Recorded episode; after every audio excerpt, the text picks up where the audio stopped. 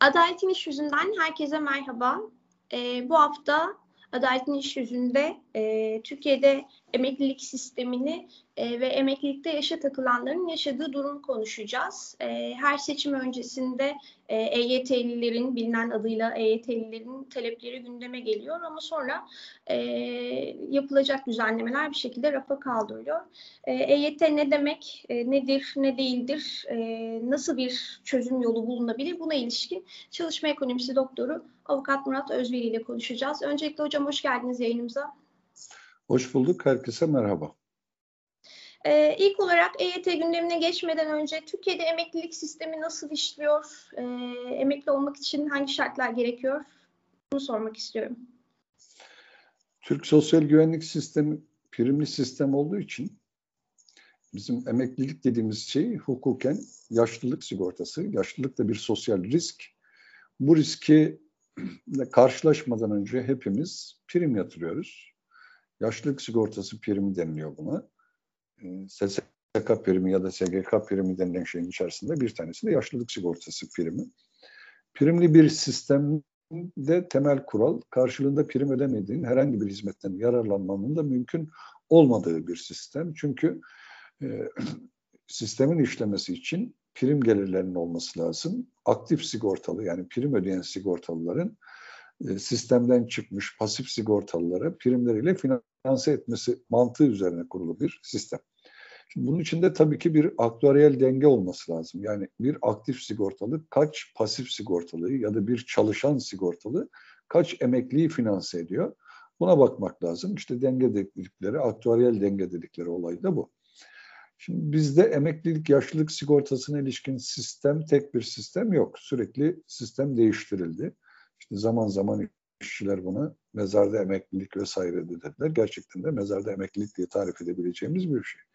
Şimdi sosyal güvenlik sistemi kurulduğu andan itibaren primler doğru değerlendirmediği için çok ucuz faizlerle kamu kuruluşlarına aktarıldığı için, kurumun mal varlıkları yağmalandığı için daha kestirmeden söyleyelim. Örneğin enflasyon kadar değerlendirilmiş olmuş olsa idi bugün çok daha büyük bir bir e, e, mali olanaklara sahip olması gereken kurum ne yazık ki kaynakları e, ekonomik aklın gereklerine uygun değerlendirilemediği için ve tabii ki de korkunç bir kayıt dışı, kayıt dışından kaynaklanan da bir prim kaybı yaşadığı için sistem zorunluluk esasına dayanıyor olmasına rağmen açık vermeye, sos vermeye başladı.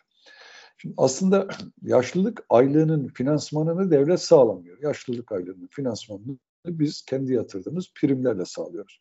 Yatırdığımız primin karşılığında da biz sisteme girdiğimiz zaman devlet bize bir söz veriyor. Diyor ki siz bana şu kadar süre prim yatırırsanız yatırdığınız bu primler üzerinden şöyle bir hesaplama yapacağım. Buna aylık bağlama oranı diyoruz.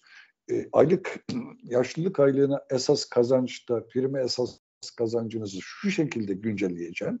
Buna göre de ben size e, ölene kadar yaşlılık aylığı bağlayacağım diye bir tür üstü kapalı bir e, taahhüt, bir tür sözleşme gibi bir ilişkinin içerisine giriyoruz.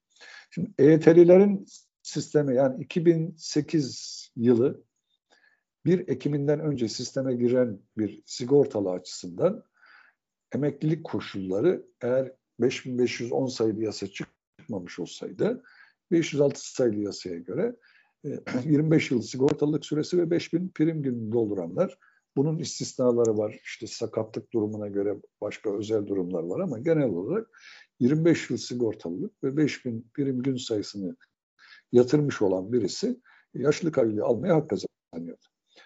Yaşlılık aylığının hesaplanmasında da 1998'e kadar ayrı bir sistem, 98-2001 arasında ayrı bir sistem, 2001'den sonra da ayrı bir sistem var. Oraya girersek çıkamayız. Ama e, temel mantığı yaşlılık aylığının hesaplanmasında prime esas kazanç çarpı aylık bağlama oranı dediğimiz oran.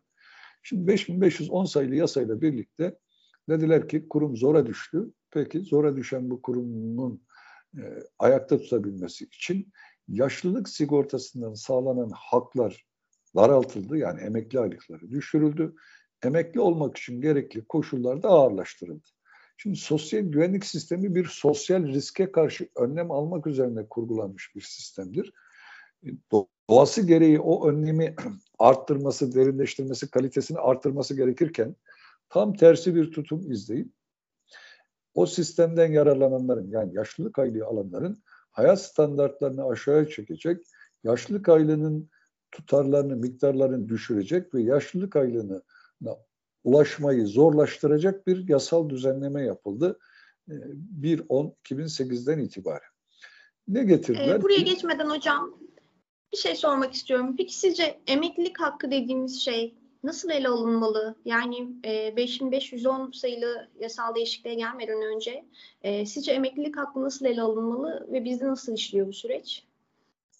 Şimdi emeklilik hakkına bütünsel olarak bakmak lazım. Yaşlılık sigortası. Temel mantığı şu olmalı. Ben hayatta çalışırken ne kadar değer görüyorsam, hayatta çalışırken hangi yaşam standartını sürdürüyorsam, emekli olduktan sonra da hem o kadar değer görecek şekilde, hayatın bir kenarına bir şeye atılmayacak şekilde hem de yaşam standartlarımı sürdürecek bir güvence sistemi içerisinde olmam lazım. Prim yatırmamın nedeni o. Ben muhannete muhtaç olmamalıyım çünkü yaşlılık bir çalışamama ve gelirsizlik durumu olarak kabul ediliyor. Bir çalışamama ve gelirsizlik durumu olduğu için de bir sosyal risk. Bu riske mazur kalan, bu riski yaşayan insanların bu riskin yarattırdığı gelirsizliğin doğurduğu olumsuz sonuçlar karşısında muhannete bir başkasına muhtaç olmadan yaşamını insan onuruna yakışır bir hayat standardı içerisinde sürdürmesi sosyal güvenlik sistemlerinin temel amacı. Yaşlılık sigortasının, emekliliğin temel amacı da bu. Bu amaç doğrultusunda sistemin kurgulanması lazım sistem kurgulanırken özellikle de primli sistemin olmazsa olmaz koşulları vardır. Bir zorunluluk esası. Yani herkes bu sistemin içerisinde olmalı. Çalışan herkes bu sistemin içerisinde olmalı ki sistem açık vermesin. Dolayısıyla herkesi bu sistemin içerisine almakla görevli olan sen ben değiliz. Kurum ve kuruma özel olarak yasalarla verilmiş olan o yetkileri kullanacak. Kurum denetim görevini yapacak, kayıt dışını engelleyecek. Kurum denetim görevini yapacak, primleri zamanında tahsil edecek. Hı hı. Ve yine bu primler ekonomik aklın mantığına uygun bir şekilde değerlendirilecek. Şimdi şöyle düşünün, siyasilerin kuruma e, müdahaleleri nedeniyle bizlerin paraları çarçur edilmiştir çok uzun bir süre boyunca. Nasıl çarçur edilmiştir? Mesela geriye dönük borçlanmalar getirilmiştir. Prim afları getirilmiştir. Faizler sıfırlandırılmıştır. 20 yıl öncesinin primi 20 yıl sonra komik tutarlarla alınarak insanlar geri sistemin içerisine alınmışlardır. İnsanların sistemin içerisine alınmasını asla karşı değiliz. Herkes sosyal güvenlikle yaşlılık riskiyle karşılaştığında bir koruma altına alınmış olmalıdır. Ama siz prim affı getiriyorsanız getirdiğiniz bu prim affı nedeniyle Sosyal Güvenlik Kurumu'nun kasasından olacak eksiltmeyi genel bütçeden aktarmak ve tamamlamak zorundasınız. Siyasi irade olarak benim yatırdığım primler üzerinden sadece oy kaygısıyla birileri ne sistemin içerisine aldığınız zaman o zaman benim yaşlılık sigortası hakkımı da tırpanlıyorsunuz demektir. Evet. evet herkesi almalısın ama bu herkesi aldığında örneğin prim affı çıkardığında Örneğin faizleri ortadan kaldırdığında ortadan kaldırdığın faizleri ve affettiğin prim tutarını genel bütçeden kuruma aktarmış olman gerekiyor. Ama asla bunu yapmadılar. Gelin giden tüm siyasiler popülist politikaları sürdürdüler. 5510 sayılı yasada gerekçesinde bu popülist politikalar nedeniyle kurumun sos verdiğini, kurumun açıklar verdiğini tespit ediyor ve bu popülist politikaları ortadan kaldırılacağı iddiasında ama bunları ortadan kaldıracak. Örneğin kayıt dışını engelleyecek ya da prim aflarını ya da e, faizleri or ortadan kaldırmaya yönelik bir düzenleme yapmasını engelleyecek. Yani kuruma özel bir yapı kazandıracak. Siyasilerin elini elini çekmesini sağlayacak bir siyasi müdahale olması halinde bu müdahale nedeniyle kurum mali bir kayba uğramışsa bu kaybı devletten tahsil edebilecek özellikle ve etkinlikte bir kurum oluşturulmasına 5510 sayılı yasa izin vermemiştir. Bu gerekçe de lafta kalan bir durum olarak kalmıştır. Peki e, hocam emeklilikte yaşa takılan nedir? Yani ne anlama geliyor bu? Hangi dönemden itibaren EYT sorunu açığa çıkmıştır? E, yani EYT'liler kimdir kısacası? Şimdi EYT'liler 5510 sayılı yasayla birlikte biraz önce söylediğim gibi yaşlılık hı hı. sigortasından yararlanmanın koşulları değiştirilmiş ve ağırlaştırılmıştır. Prim ve yaş koşulu getirilmiştir. Dolayısıyla 1-1-2008'den itibaren e, artık 506 sayılı yasadaki koşullara göre değil, 5510 sayılı yasadaki koşullara göre bir emekliliği hak etme durumu yaratılmıştır. Bunun için de 5506 sayılı yasaya geçici bir 81. madde eklenmiştir. Geçici 81. madde 506 sayılı yasa dönemindeki sigortalılık süresine bakıp o sigortalılık süresine göre e, 2002 tarihine göre yatırılmış olan prim yaşlılık aylığı almaya hak kazanmak için kalan süre üzerinden de bir yaş skalası oluşturmuştur. İşte 49'dan 65'e kadar giden bir yaş skalası 2040 yılından itibaren de herkesin 65 yaşında ancak emekli olabileceği bir sistem. Şimdi sistem bu şekilde kurgulandıktan sonra iki koşul var biliyorsunuz. Bir prim koşulu, bir yaş koşulu. Prim ödeme koşulunu yerine getiren ama yaş koşulunu yerine getiremeyen bir sigortalı grubu çıkmıştır kaçınılmazlık olarak. İşte emeklilikte yaşa takılanlar diye ifade edilenler yaşlılık aylığı almak için gerekli prim koşulunu yerine getirmiş, ödemesi gerekeni ödemiş ama yasanın belirlediği yaşı doldurmadığı için yaşlılık sigortasından yararlanma hakkına sahip olmayan kesimi oluşturmaktadır. Şimdi bunlar bir yandan da sistemin içerisinde kaldıkça e, yaşlılık aylık bağlama oranı düşürüldüğü için e, daha fazla prim yatırıp daha fazla prim yatırmalarına rağmen yaşlılık aylarlıklarında geriye giden bir kesime oluşturmaktadırlar. Burada da bu anlamda bir haksızlığa uğramaktadırlar. E, öte yandan primlerin yaşlılık aylığına esas prime esas kazanç hesaplanırken gayri safi milli hasılayadaki artış oranına göre yapılan güncelleme kat sayısı 5510 sayılı yasayla düşürülmüştür. Aylık bağlama oranı da düşürülmüştür. Dolayısıyla bir çarpım işleminde çarpanların ikisini düşürürseniz elde edeceğiniz sonuçta düşürülmüştür. Emeklilikte yaşa takılmış olanlar şu anda prim ödeme gün koşulunu sağlamış, gerekli primleri yatırmış olmasına rağmen sırf 1-10-2008 yılında çıkan yasa nedeniyle sisteme girdiklerinde gerekli olmayan bir koşula tabi tutularak, yaş koşuluna tabi tutularak emekli olmaları engellenmiş olan grubu ifade etmektedir. Şimdi haklı olarak bu grup biz sisteme girdiğimiz zaman e, yaş koşulu diye bir koşul yoktu. Prim ödeme koşulu ve sigortalılık süresi koşulu vardı. Biz her ikisi koşulu da yerine getirdik. Bu bizim açımızdan bir kazanılmış haktır. Bu hakkın bize verilmesi gerekir deniliyor. Ve haklıdırlar da. Ancak Anayasa Mahkemesi bu konuda kazanılmış hak yerine idare hukukunda kullanılan bir kavramı sosyal güvenlik alanına ithal ederek beklenen hak diye bir tarif yaptı.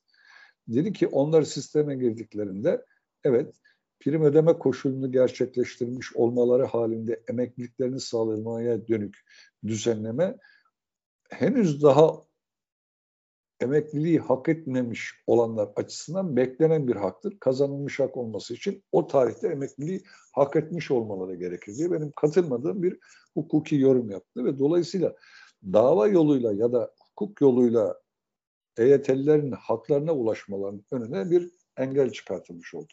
O zaman yapılması gereken ne kaldı? Bir yasal düzenlemeyle prim ödeme koşulunu gerçekleştirmiş. Sisteme girdiği anda o sisteme güvenerek prim yatırmış olanların yaşlılık aylığını ulaşmalarını sağlayacak, yaş koşulunu e, ortadan kaldıracak bir düzenleme. Şimdi bu düzenlemeyi yapmamalarının gerekçesi de yine bir daha söylüyoruz. Deniliyor ki e, kurum mali olarak bunun altından kalkamaz. Kurum mali olarak bunun altından kalkamazdan hesap ederek biz sosyal güvenlik sistemini kurgularsak yarın işte çok ağır hastalıklar örneğin kanser hastalarına da kurum bu işin altından kalkmıyor. Hastalık sigortası primiyle elde edilen gelirler buna yetmiyor diye sosyal güvenliğin alanını daraltmak zorunda kalırız. Diğer sigorta kolları açısından da bu. Yani işsizlik sigortası açısından da böyle bir şey olabilir. O halde böyle bir mantık temel bir insan hakkı olan sosyal güvenlik sisteminde kullanılabilir ya da bir mantık değildir. Yapılması gereken sistemin nerede açık verdiğini doğru belirlemek ve o açıkları kapatmaktır. Sistem nerede açık veriyor? Konuşmanın başında söylediğim yerde veriyor. Bizzat kurumun yetkilileri tarafından dile getiriliyor. Şu anda 2015 yılı için bir rakam var. 10 trilyondan fazla e, Sosyal Güvenlik Kurumu Başkan Yardımcısının dile getirdiği bir rakamdı. 10 trilyondan fazla kayıt dışı istihdam nedeniyle kurum alması gereken primleri alamadığı için çok ciddi bir mali kaybın içerisinde bu bir. İkincisi yine söylediğim gibi prim afları, e, faiz ertelemeleri gibi siyasi iktidarın seçim dönemlerinde sık sık uyguladığı şeylerin bedelinin kuruma ödetilmesi. Bunları yapsınlar ama bedelini kuruma ödetmesinler. Hı hı. Genel bütçeden kaynak transfer etsinler ve buna göre yapsınlar. İşte işverenlere verilen teşvikler. E, bu söylediğimin örneğidir. İşte işverenlere deniliyor ki eğer sen sigortalı çalıştırırsan belli bir dönem işte sigorta priminin yüzde beşini ben karşılayacağım diyor. Bu bir teşvik ve karşıladığı sürece de bizi ilgilendiren yani sosyal güvenlik sistemini ilgilendiren bir durum değil. Yeter ki parasını versin. Ve o bir gelirler politikası aracı olarak sosyal güvenliği kullansın. Buna bir itirazımız yok. Ama bunun dışında yapması gerekeni yapmamanın, kayıt dışını engellememenin, e, prim afları nedeniyle oluşan mali kayıpları tela, genel bütçeden telafi etmemenin bedelini yaşlılık aylığı almayı hak etmiş olanlar sisteme girdikleri tarihte yaşlılık aylığı hak etmek için gerekli koşulları taşımış olanlara bedel ödetmeyi sosyal güvenliğin temel mantığıyla açıklamak mümkün değildir. Temel sorun da buradan kaynaklanıyor. EYT'liler diyorlar ki biz sisteme girdiğimizde yaş koşulu yoktu, prim ödeme koşulu vardı. Biz bu koşulu yerine getirdik. Siz oyunun kurallarını sonradan değiştirdiniz. Değiştirilen oyunun kuralları üzerinden bizi mağdur ediyorsunuz deniliyor. Bu çok doğru bir yaklaşım. E, bu mağduriyetin giderilmesi için evet mali bir takım kaynaklar gerekiyor. Bu kaynaklardan bir tanesi kayıt dışının kayıt içine alınması, kayıt dışının kayıt içine alınmamasının bedelini sigortalılara değil, genel bütçeden devlete ödettirilmesi gerekiyor. Şimdi benim sosyal güvenlik kurumu sitesine girdiğiniz zaman deniliyor ki işte istihdamın tarım dışı istihdamın işte yüzde yirmi küsürü kayıt dışındadır deniliyor. Üç tür kayıt dışı var diye bir kayıt dışı tarif ediyorlar. 30 gün çalıştığı halde 15 gün kuruma bildirilenler, asgari ücretin üzerinde çalışmış olmasına rağmen asgari ücretten bildirilenler. Bunların her biri bir kayıt dışı türü. Bunu sayısal olarak belirleyen ve rakam olarak da ifade eden bir kurum varsa ya bunu ortadan kaldıracak ya da devlet olarak bunu ortadan kaldıramıyorsa diyecek ki arkadaş 10 milyon 10 trilyon kayıt dışı nedeniyle prim kaybı var. Bunu bütçeden aktarıyorum.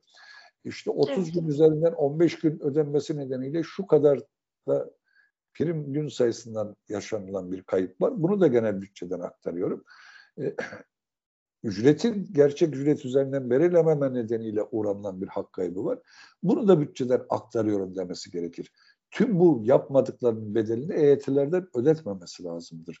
Genel bütçeden devletin iktidar olmak, devlet olmak, e, gerektiğinde zor kullanmak, cebri icraya başvurmak gibi bir takım imtiyazları var. Bu imtiyazlarını kullanarak kayıt dışını engellemek, engellemiyorsa da engellememenin bedelini mali açıdan ödeyerek kuruma kaynak aktarması gerekiyor.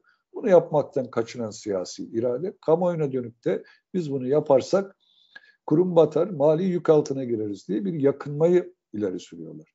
Böyle bir yakınma yapmaya hakları yok çünkü bu tür açıkların olmasının nedeni kurumun etkin bir denetim yapmamasıdır. Kayıt dışı dediğimiz şey üstü örtülü bir kaynak transferidir. Siz almanız gereken primi birilerden alam almıyorsanız, alma konusunda etkin bir sistem kurmuyorsanız o birilerine dolaylı olarak kaynak transfer ediyorsunuz, para veriyorsunuz demektir. E birilerine para verecekseniz verin, ona bir itirazımız yok. Ama bu verdiğiniz parayının bedelini EYT'lilere ya da sosyal güvenlik hakkına sahip olanlara ödetmeyin diyebileceğimiz bir e, yaklaşımda EYT'lilerin haklılığını ön plana çıkarmak mümkündür diye düşünüyorum ki haklılar. Peki hocam, e, şimdi siz de aslında konuşmanın başında söylediniz. Yani çeşitli popülist kaygılarla sosyal güvenlik sisteminin içerisinde yapılan kimi değişiklikler dönem dönem e, gündeme geldi.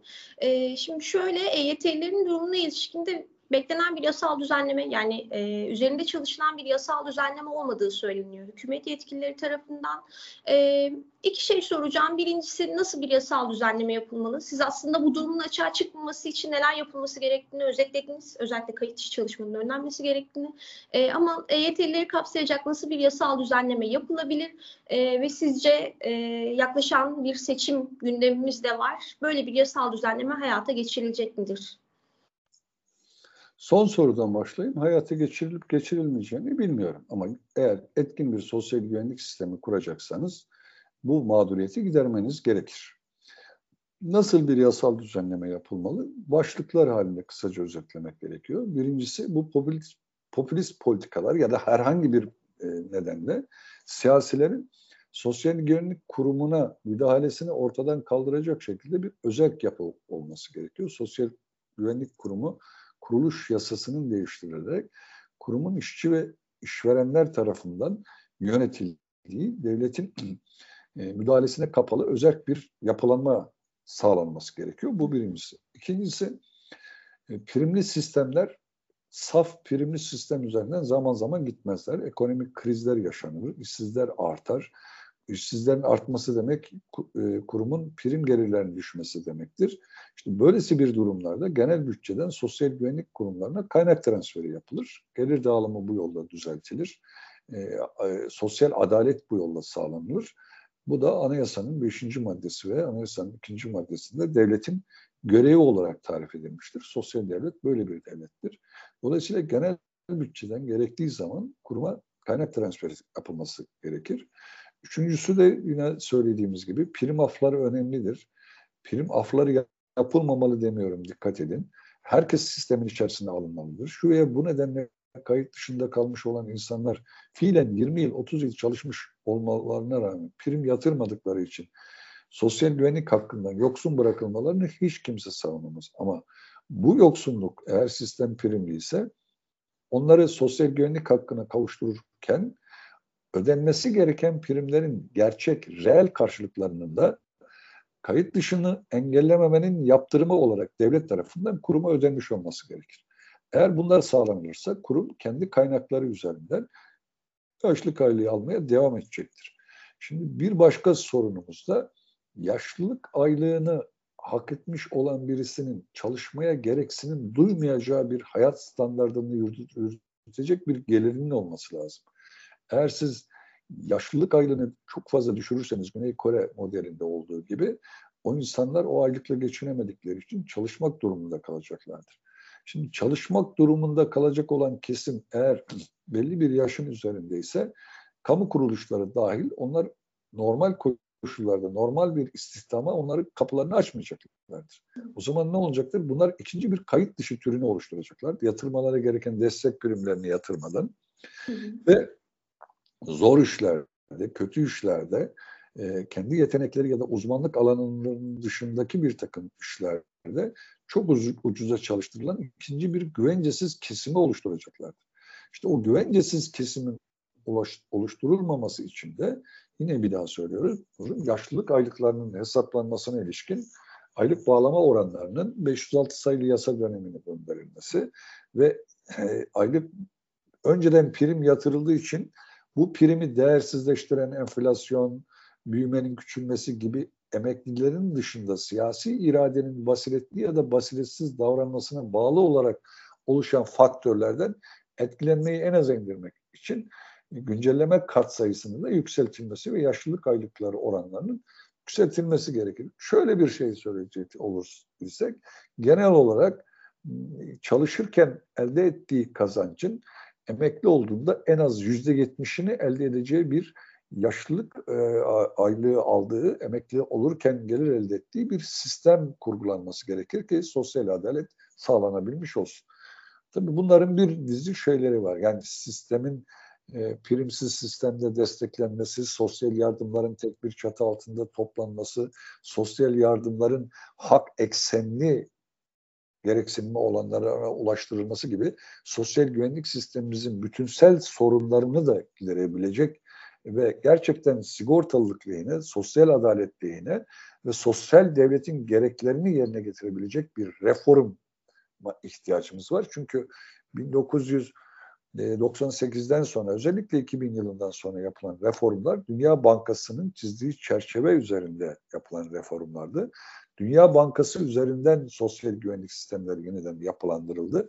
Bu yeniden yapılandırmada da Dünya Bankası öncelikli olarak piyasaların özgürleşmesini, piyasalara kaynak aktarılmasını esas alan bir mantığı devreye soktu. Bu mantıktan vazgeçilerek sosyal güvenliğin öznesini herkes olarak almak, herkesin insan onuruna yakışır bir yaşam sürdüreceği, sosyal risklerin gerçekleştiği dönemde muhannete muhtaç olmayacakları ve hak eksenli olarak bu benimdir diyebilecekleri bir sistem kurmak anayasanın ikinci ve beşinci maddesi amir hükmü gereği siyasi iktidarların görevleridir. Anayasanın beşinci maddesinin gerekçesi sosyal devleti sosyalist devletten ayırarak tarif ederken sosyal devlet vatandaşlarının ekonomik, sosyal, kültürel gelişmelerinin önündeki engelleri ortadan kaldıran devlettir der. Çalışamama durumunda, gelirsizlik durumunda muhannete muhtaç olmamada en önemli e, sosyal devlet uygulamalarından birisidir.